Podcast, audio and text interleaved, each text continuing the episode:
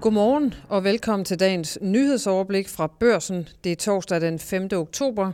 SAS fylder en del i dag, men vi skal også rundt om dyre banklån til SMV'ere, en tretunget regering og ålegræs her i morgenbriefing med de største historier fra de danske og internationale erhvervsmedier. Mit navn er Sofie Rud. Vi begynder med SAS, som fylder i de danske erhvervsmedier med mange forskellige vinkler i dag, efter at det tirsdag blev meldt ud, at SAS får nye ejere, og at selskabet står til en afnotering fra fondsbørsen. Onsdag skød handlen til med SAS-aktien i vejret. Mere end en halv milliard handler blev det til. Lotto-kupon, værste investering og købspotentiale er efterfølgende nogle af de blandede udtryk, der af private investorer bruges på sociale medier til at beskrive den tilstand, som de mener SAS-aktien er og har været i. I børsen i dag kan du møde nogle af de private investorer, der har satset på SAS-aktien i sidste øjeblik. En af dem siger, det var ren spekulation. Jeg satsede på, at selskabet ville blive reddet, og at jeg så kunne have tjent på det. Men at redningen også ville føre en afnotering med sig, det havde jeg ikke set for mig, siger han. Læs den historie og flere andre vinkler om den nye ejerkonstruktion og konsekvensen for SAS' kunder i børsen i dag. Hos Finans kan du læse, at bankerne opkræver svimlende milliardbeløb i ekstra renter i alt 7 milliarder kroner. Så meget skal de små og mellemstore virksomheder betale ekstra for, at bankerne igennem den seneste tid har hævet renterne på udlån markant, men langt mindre på indlån. Det viser nye beregninger foretaget af brancheforeningen SMV Danmark på baggrund af tal netop offentliggjort af Nationalbanken. Det er den såkaldte rentemarginal, altså forskellen mellem ind- og udlånsrenten, der er vokset markant, siden Nationalbanken sidste sommer begyndte at hæve den toneangivende rente for at tæmme en galopperende inflation. SMV Danmark repræsenterer 18.000 små og mellemstore virksomheder, og nogle af dem mener ifølge Finans, at bankerne laver en såkaldt omvendt Robin Hood, hvor de hiver penge ud af lommerne på de små erhvervsdrivende og giver dem til sig selv. Og så til en historie fra børsen Bæredygtig, som skriver, at ålegræs og papiruld skal sikre fremtidigt træbyggeri i højden. I dag må man nemlig kun bygge i 5,1 meters højde, hvis den bærende konstruktion er af træ og isoleringen er biobaseret.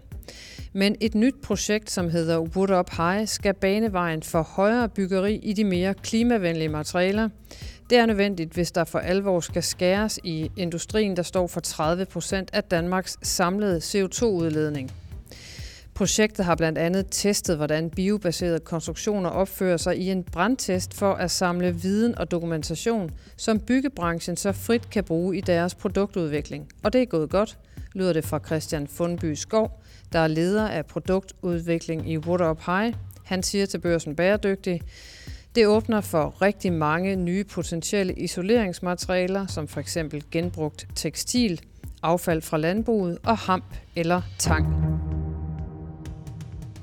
Og til dansk politik. Hvad er egentlig SVM-regeringens fortælling og fælles projekt nu?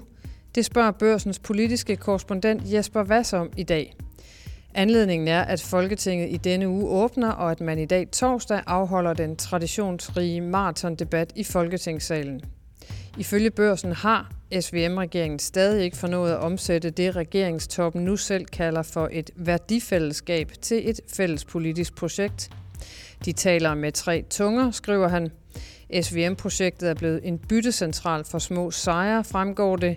Læs hele perspektivartiklen i dag hos Børsen, hvor du også kan følge dækningen af åbningsdebatten, som ofte varer til langt ud på natten. Og hvis du ikke kan holde dig vågen til det, så er der også morgenbriefing fredag morgen. Vi skal til udlandet. Onsdag begyndte en spektakulær retssag i New York mod 31-årige Sam Bankman-Fried, som er stifter af kryptobørsen FTX. Den unge kryptoiværksætter er under anklage for at have snydt investorer og kunder ved at stjæle milliarder af dollars fra millioner af kunder, som stod på virksomhedens konto, altså pengene, ikke kunderne. Bankman Fried har derefter ifølge anklagen brugt milliarder af dollars på et luksusliv på Bahamas med alt, hvad der dertil hører, skriver Financial Times. Retssagen er sat til at vare 6 uger, og den er interessant blandt andet fordi sammenbruddet i FTX og hele Bankman Frieds fortælling om sig selv, som viste sig at være opspind, har ført til selvrensagelse og fokus på lovgivning og forretningsmodeller i kryptoindustrien. Og til flere amerikanske millioner. Apples topchef Tim Cook har gennemført sit største salg af aktier i tech-giganten i to år, det skriver Bloomberg News. Cook har solgt mere end 240.000 aktier i selskabet og sat andre 270.000 aktier til side til betaling af skatter. Det betyder, at Tim Cook har sikret sig 41 millioner dollar eller ca. 300 millioner øh, kroner ved aktiesalget, mens han altså også har gjort klar til at betale skatter af gevinsten. Topchefen i Apple har fortsat 28 millioner aktier i koncernen med en samlet kursværdi på, hvad der svarer til godt 4 milliarder danske kroner. Et kig på onsdagens aktier. Efter store rentestigninger i USA både mandag og tirsdag gik det den anden vej onsdag, og det betød, at de amerikanske tech-aktier løftede sig efter tirsdagens store fald, og især det trak markedet op. S&P 500 steg således med 0,8 procent, mens Nasdaq gik mest frem med 1,4 procent. Har hjemmelov C25 i grønt det meste af onsdagen, Christian Hansen og Novozymes i toppen og FL Schmidt i bunden. Samlet lukkede de danske eliteaktier med et lille fald på 0,03 procent. Flyselskabet SAS løb med det meste af opmærksomheden, det vender jeg tilbage til om et øjeblik, og der er mere aktie- og investeringsstof på børsen Investor. Ja, for SAS-aktien er værdiløs. Sådan lød det fra flyselskabet, der tirsdag fik ny ejerkreds, som vil afnotere aktien i 2024. Onsdag morgen faldt den dybt, det kunne man forvente, men så steg aktien, man får lyst til at sige Gud hjælp mig, alligevel en anelse igen. Det taler investorerne Lars Hytting og Susanne Grete Nordild med min kollega Gro Højer Tilsdom i denne uges helt friske udgave af Børsen Investor. Hvad, hvad foregår der, Lars? Man kan vel altid klynge sig fast til håbet om et eller andet desperat. Øh, nu, altså, det hører jo med til historien at, at SAS-aktien gennem mange år har været altså nærmest spekulationsaktie nummer et. Altså, det er, det er mange år siden, jeg har kunnet forstå, hvad det var, der foregik i den aktie.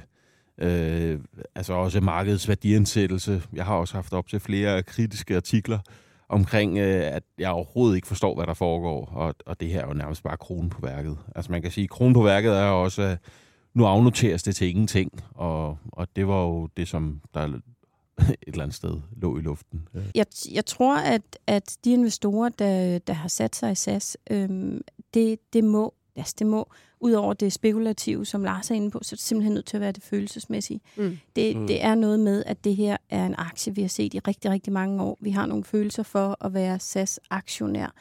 Øhm, og, og så har man set den, hvis man, hvis man ikke er kyndig som værende på udsalg. Den, den har simpelthen været så langt nede, man tænkte, jeg skal lige have noget mere i den. Øh, og så har fornuften altså givet slip på den. Panelet i denne uges Investor Podcast har også andre spændende emner på programmet. Lyt med, der hvor du lytter til morgenbriefing. Det var alt for i dag. Tak fordi du lyttede med. Vi er her igen i morgen. Ha' en dejlig torsdag.